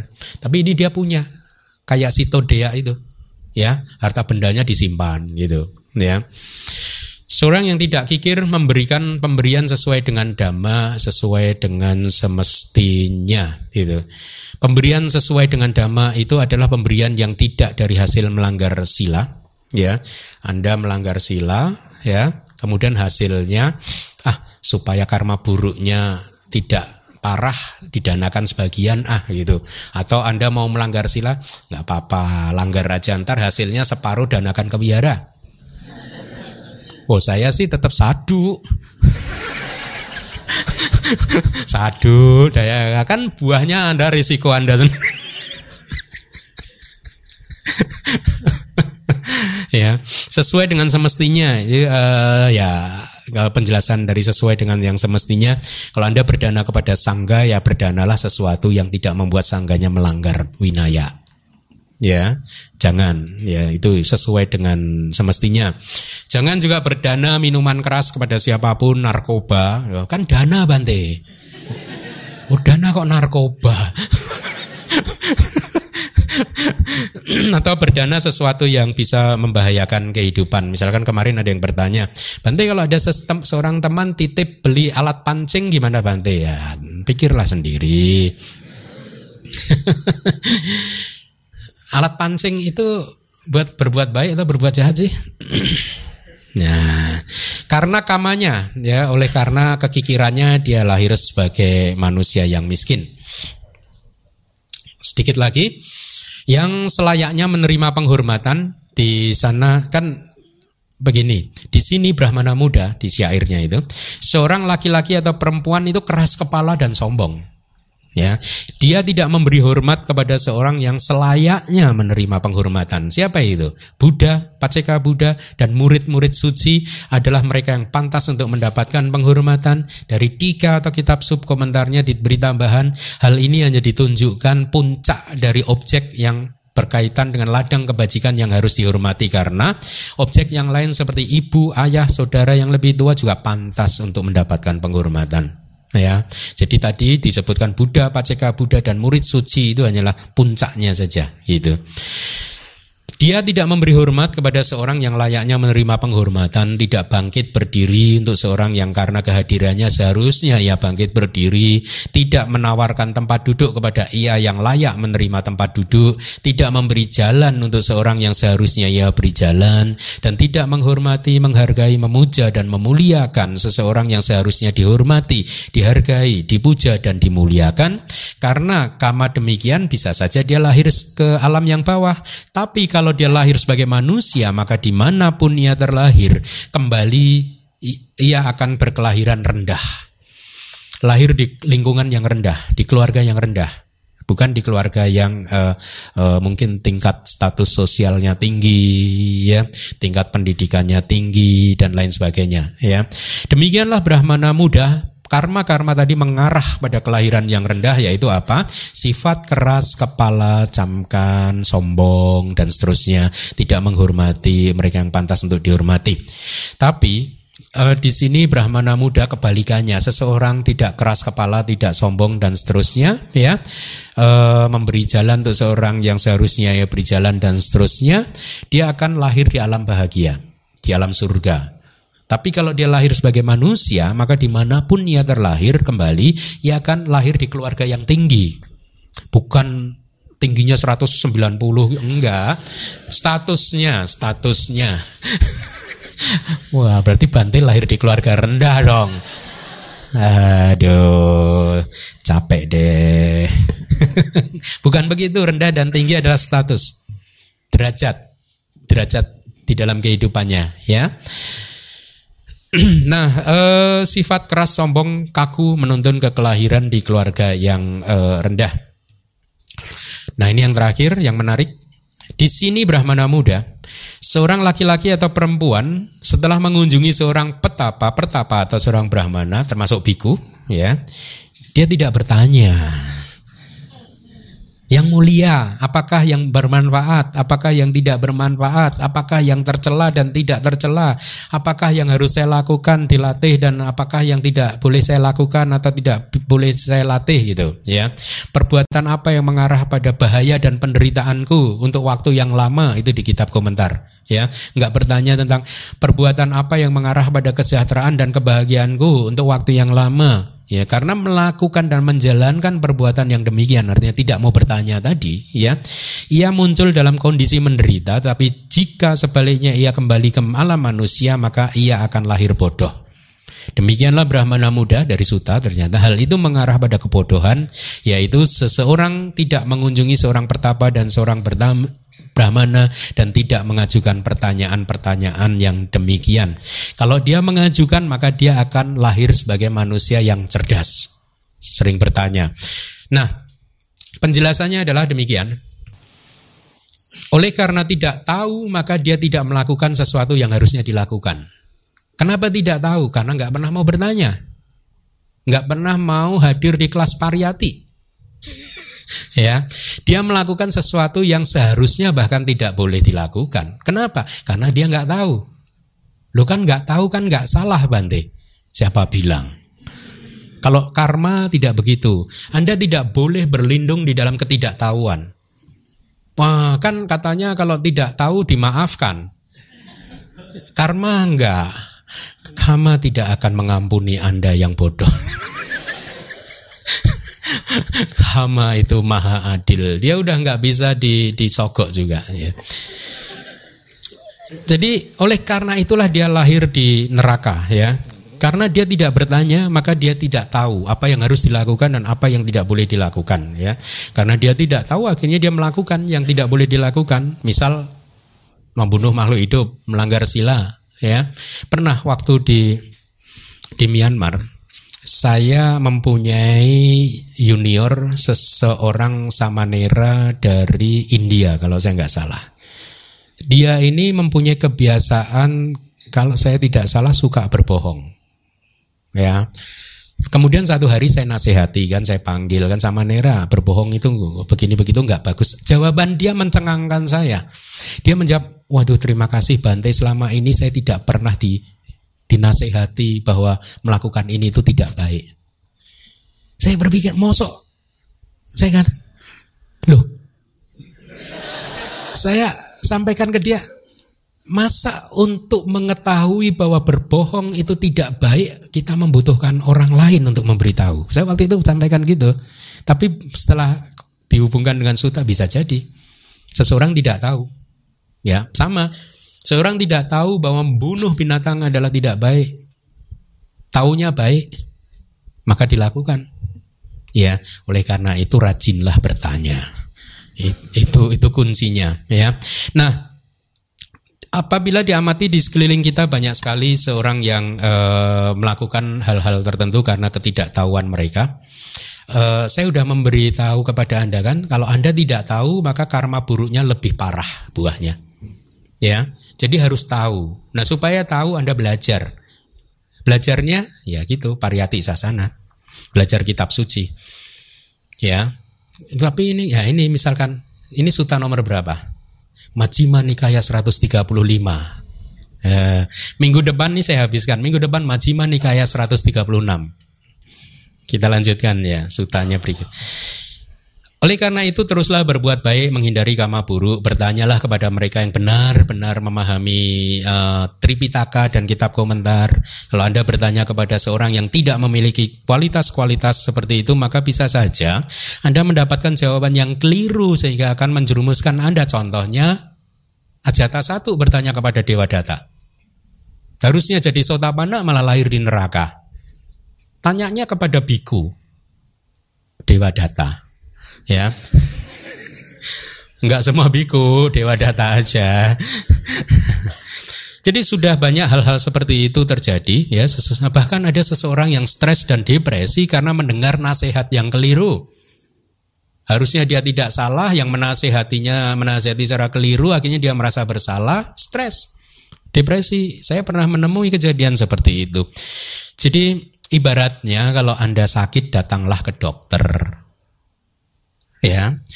Tapi sebelum datang ke dokter Anda harus cari tahu uh, eh, CV dokter tersebut, ya. Benar nggak dia kuliah? loh, saya melakukan itu loh. Saya kalau ke dokter saya survei dulu. Dokter A saya lihat googling gitu. Riwayat pendidikannya apa? Saya benar-benar saya lakukan gitu. Saya kemudian saya pilih dari riwayat pendidikannya gitu ya. Sama, Anda datang ke dokter gitu harus diperiksa. Dia itu benar-benar kuliah di fakultas kedokteran atau enggak? Jangan-jangan kuliahnya fakultasnya beda. Ya. Jadi apabila dia tidak pernah kuliah, dokter tadi tidak pernah kuliah di fakultas kedokteran, maka dia pasti tidak akan bisa mendiagnosis penyakit Anda dengan baik. Ini dari saya loh ya. Dan apabila menuliskan resep buat Anda juga keliru. Dokter seperti ini, ya, apabila Anda bertanya, dokter, sebenarnya untuk jadi dokter itu untuk memahami ilmu kedokteran itu harus belajar atau enggak sih dokter? Nah, Anda mengajukan pertanyaan yang sulit dijawab oleh dokter tersebut. Kenapa sulit dijawab? Karena dia sendiri nggak pernah sekolah. Lalu jawaban dia, oh nggak perlu, nggak perlu sekolah, nggak perlu belajar eh, secara detail gitu, ya. Maka uh, uh, oleh karena itu ya Anda harus cerdas juga di dalam memilih dokter ya. Lihat uh, eh, CV-nya dia kuliah di mana? Misalkan Fakultas Kedokteran Universitas X S1 atau S2 spesialis enggak nah, gitu Anda pelajari. Jadi dengan demikian Anda bisa menghindari banyak kesulitan yang memang semestinya bisa dihindari ya. Saya menyampaikan ini ya eh, supaya kalau Anda bertanya pada orang yang benar Anda akan lahir di surga. Kalau di teksnya di, disebutkan seperti itu ya akan mendapatkan kebahagiaan.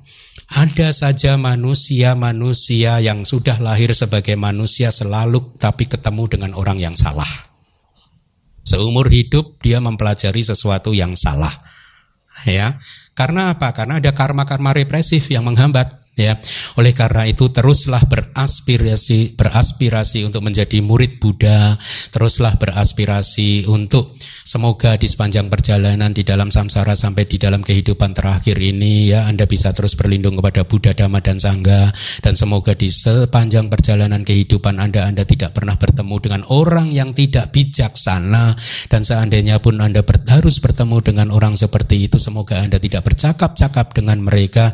Dan seandainya pun Anda harus bercakap-cakap dengan mereka semoga Anda tidak bersuka cita mendengarkan nasihat-nasihat mereka tidak mengikuti nasihat-nasihat nasihat mereka dan sebaliknya. Semoga di sepanjang perjalanan samsara Anda selalu bertemu dengan orang yang bijaksana, mendengarkan kata-kata dan nasihat mereka, mengikuti apa yang mereka arahkan dan semoga di semu, uh, di dalam perjalanan uh, di setiap kelahiran di dalam samsara Anda senantiasa bisa berkembang secara spiritual dan secepatnya merealisasi nibbana. Jadi Beraspirasilah seperti itu ya supaya Anda tidak salah masuk ke lingkungan jangan sampai mengalami kejadian yang tidak baik seperti Ajata satu itu malah lahir di neraka gara-gara salah uh, uh, memilih uh, teman atau guru gitu Nah, jadi demikianlah nasihat Guru Agung telah berakhir. Semua sisanya dari karma-karma yang lain mudah dipahami dengan logika yang sama yang sudah disampaikan ya.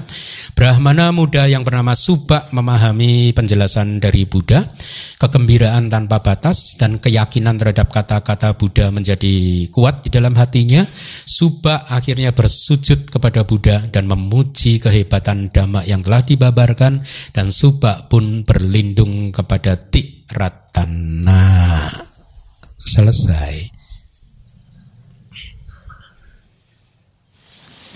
Sukiyoto Bante, saya dengan Anton Bante ya, mau minta uh, sedikit kejelasan aja. Pertama tadi saya sempat uh, apa punya persepsi begini kan kita kan sering mendengar bahwa kita tadi disebut kita terlahir dan menerima dari karma kita sendiri masing-masing. Dan saya men, me, ketika membacakan pertama yang saya memohon bahwa supaya buah dari perbuatan buruk apa pun yang telah saya lakukan dapat terhindarkan. Uh, apakah maksudnya karma yang sudah karena kita lakukan baik itu uh, khususnya yang buruk gitu ya bisa kita hindarkan. Apakah itu ada sangkutannya dengan tadi uh, contoh yang Bante berikan adalah kar karma destruktif. Tadi kan sering-sering Bante kasih contoh kan hanya ketika karma baik sedang berjalan dipatahkan oleh karma buruk. Apakah bisa sebaliknya juga? Jadi saat kita sedang menerima karma buruk, tapi dari uh, buah karma baik itu bisa menghentikan karma buruk yang sedang kita lakukan itu yang pertama terus kalau memang ya seperti itu sekiranya boleh uh, ada bisa dikasih contoh nggak karma baik apa yang yang cukup uh, baik yang bisa membantu untuk mematahkan daripada karma-karma buruk yang cepat berbuah gitu Bante. Tentunya kan seperti yang mungkin saya pernah dengar bahwa ada yang istilah menabur di ladang yang subur. Jadi sehingga uh, buah lebih cepat bisa kita terima gitu Bu nanti mohon contohnya aja Bante. Terima kasih Bante. Baik, jadi berkaitan dengan tadi, semoga buah karma buruk saya bisa terhindarkan, itu berkaitan dengan perbuatan baik. Di teks buku tersebut Anda sedang akan melakukan perbuatan baik, tadi sudah membaca parita, kemudian Anda memohon sila, itu adalah kebajikan ya. Nah, kebajikan yang Anda lakukan itu diharapkan bisa menekan karma buruk atau menjadi karma represif atau bahkan karma destruktif. Itu yang dimaksudkan. Jadi makanya tadi di saya memohon, saya memohon, saya memohon semoga perbuatan baik ini bisa menghindarkan buah karma buruk bisa gitu. Jadi secara prinsip cara bekerjanya kama itu mirip dengan cara bekerjanya buah benih anda menanam benih mangga. Sebenarnya saya sudah sampaikan ini berulang-ulang, mungkin di buku Karma juga ada ulasannya. Tapi logika cara bekerja Karma itu seperti ini. Anda menanam benih mangga.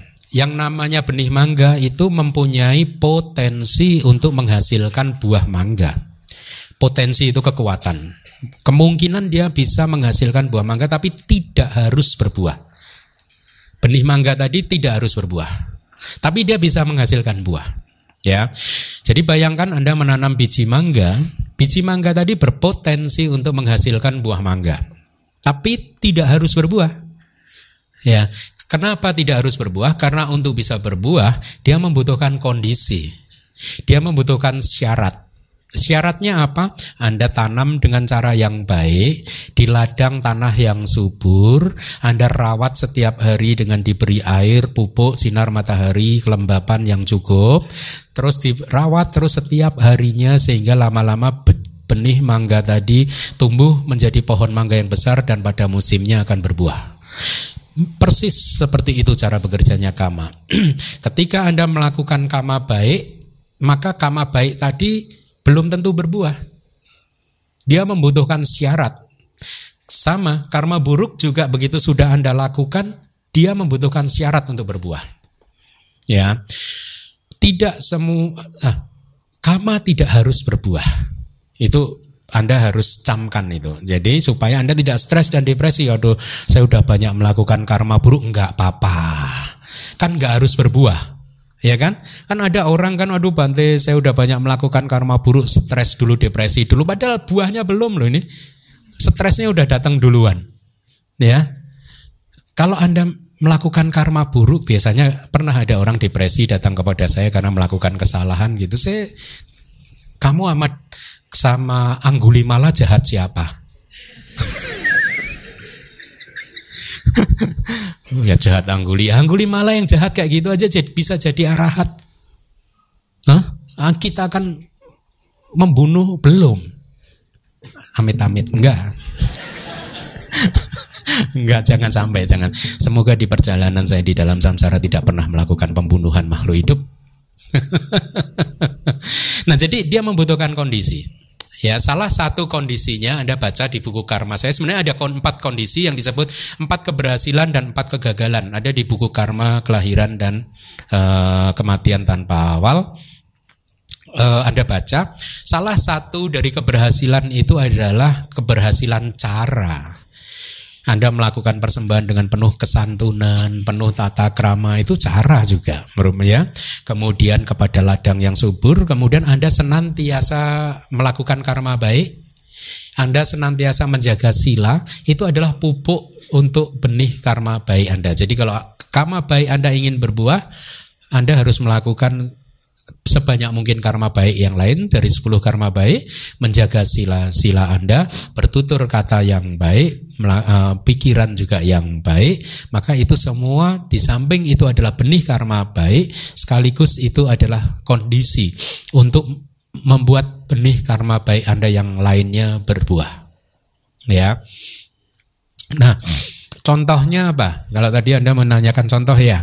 Ya contohnya misalkan kalau kayak tadi Anggulimala dia bertemu Buddha kemudian dia bermeditasi sehingga karma buruknya bisa dihancurkan semua. Kalau Anda ingin meng, semua karma buruk yang Anda lakukan sejak awal samsara itu tidak berbuah, tidak menghasil atau kehilangan kekuatannya untuk memunculkan kelahiran di empat apa ya, maka melatihlah sila, samadhi dan bermeditasi wipasana untuk merealisasi sotapati maga. Menjadi seorang sotapana, sotapati maga, jalan sotapati menghancurkan semua karma buruk yang mempunyai kekuatan untuk memunculkan kelahiran di empat apaya. Ya. Jadi eh, contoh-contoh yang lain jadi logikanya kalau hidup sedang pahit maka lakukanlah karma baik. Tidak ada hal yang lain yang bisa diinikan selalu berbuat yang baik, jaga moralitas dan seterusnya supaya kehidupan jadi lancar. Kira-kira begitu ya. Oke. Okay. Sukiyoto uh, saya mau bertanya mengenai kisah Todeya dan hubungannya dengan hukum karma yang Bante sampaikan hari ini. Kalau saya amatin, kisah Todeya ini merupakan suatu kisah yang ekstrim, di mana seorang kaya yang sangat kikir. Dan ini banyak kita jumpai dalam kehidupan di sekitar kita. Atau mungkin ekstrim yang lain, seorang yang rupawan tapi galak sekali kan ya. Galak. Seorang apa tadi? Rupawan. Rupawan ya. tapi galak. Oh. Atau mungkin seorang yang membunuh banyak makhluk lain, mungkin karena hobinya atau profesinya, atau mungkin karena situasinya, tapi dia umurnya panjang. Contohnya ya misalkan penjahat perang lah bertanggung jawab terhadap ribuan atau mungkin ratusan ribu pembunuhan tapi umurnya panjang. Nah seharusnya kisah Todeya ini dia ini sekarang kan kaya sekali Bante ya pada waktu dikisahkan di Suta. Harusnya kehidupannya lalu dia kan dermawan. Tapi kenapa kok seolah terjadi anomali lah terhadap hukum karma yang Bante jelaskan. Seolah terjadi apa? Anomali anomali yang, yang tidak normal lah. Harusnya kan bagaimana eh, karma produktif atau represif atau mungkin sportif itu bekerja pada kehidupan yang sekarang. Nah, pertanyaan kedua ini hubungannya dengan pertanyaan tadi pertama yaitu kenapa kok energi batin yang baik kehidupan yang lalu tidak bisa diteruskan pada kehidupan sekarang sehingga seolah Todeya itu menjadi individu yang lain sama sekali. Begitu Bante pertanyaan. Terima kasih. Ya, baik, terima kasih. Pertama yang harus kita pahami adalah bahwa selama kita masih putus jana, maka segala kemungkinan masih bisa terjadi. Naik turunnya kehidupan itu bisa terjadi, ya. E, di satu kelahiran kita lahir sebagai orang yang baik, di kelahiran berikutnya kita lahir jadi orang yang jahat. Kemungkinan itu adalah kemungkinan yang sangat bisa terjadi. Kenapa? Karena e, hal demikian memang terjadi untuk putu jana. Kecuali seseorang sudah menjadi seorang sotapana, maka ada kepastian dhamma buat mereka. Ya, kepastian dhamma karena dia sudah memasuki arus, maka kelahirannya akan terus meningkat. Ya, tidak ada penurunan di dalam uh, perjalanan kelahiran-kelahiran dia berikutnya, ya. Nah, jadi sebenarnya bukan anomali karena seperti yang tadi sudah sempat saya katakan, awal kelahiran kita ini udah triliunan tahun yang lalu. Kalau di dalam satu jentikan jari aja sudah miliaran benih kama tercipta, berarti sebenarnya di arus kesadaran kita itu kombinasi dari karma-karma yang kita lakukan di masa lalu itu sudah tidak terhingga. Bayangkan satu detik aja miliaran bisinya. Kita hidup sudah triliunan tahun. Berarti berapa karma yang sudah kita lakukan? Sudah sedemikian banyaknya sehingga tidak bisa dihitung sehingga bahkan makanya menjadi wajar apabila 7 miliar manusia di muka bumi ini berbeda. Karena variasinya menjadi tidak terbatas sekali. Ya, ya dari perbuatan-perbuatan tadi. Nah, selama kita seseorang itu masih menjadi putujana, makanya seperti yang jawaban saya berikan uh, tadi yang pertama, tergantung syarat dan kondisinya.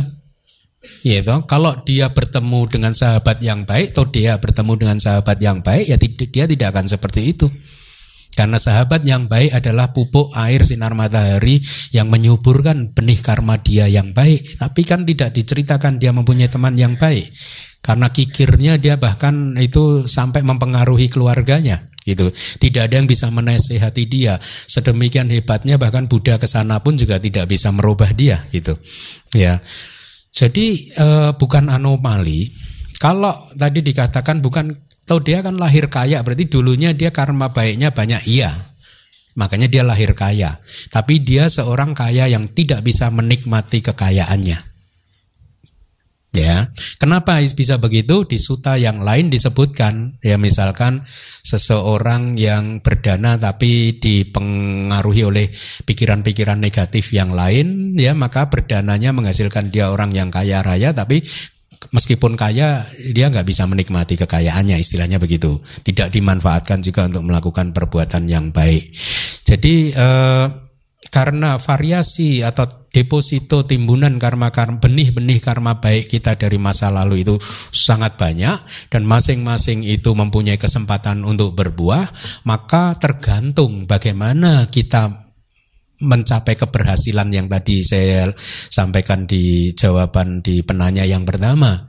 Misalkan ada empat keberhasilan yang anda bisa baca di buku kama ya yaitu keberhasilan kelahiran. Sebenarnya dia udah berhasil lahir sebagai manusia ya. Seharusnya sebagai manusia itu banyak karma baik yang akan berbuah ya tapi keberhasilan yang lainnya upadi upadi itu penampilan tidak disebutkan penampilan eh, atau dia itu seperti apa ya.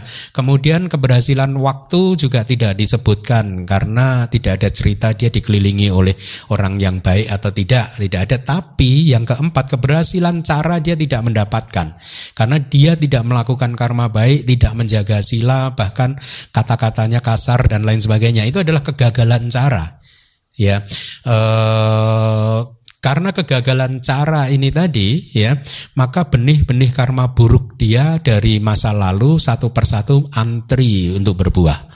Ya, sehingga tidak hanya dia tidak bisa menikmati kekayaannya, hidupnya tidak nyaman dan akhirnya mendukung kelahiran dia sebagai anjing di rumahnya sendiri dan kemudian lahir sebagai neraka dan seterusnya. Jadi kalau tadi disebutkan juga ada orang yang banyak melakukan pelanggaran tapi hidupnya nyaman-nyaman saja, bukan berarti karma pelanggarannya membuat dia nyaman, belum berbuah saja.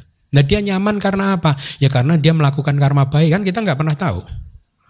Dia melakukan, yang kita tahu mungkin dia kejahat, tapi di belakang kita dia baik kan nggak pernah tahu. Jadi artinya Buddha mengatakan di salah satu suta adalah hal yang tidak mungkin dan mustahil karma baik menghasilkan penderitaan. Adalah hal yang tidak mungkin dan mustahil karma buruk menghasilkan kebahagiaan. Nah, ini Anda pegang aja.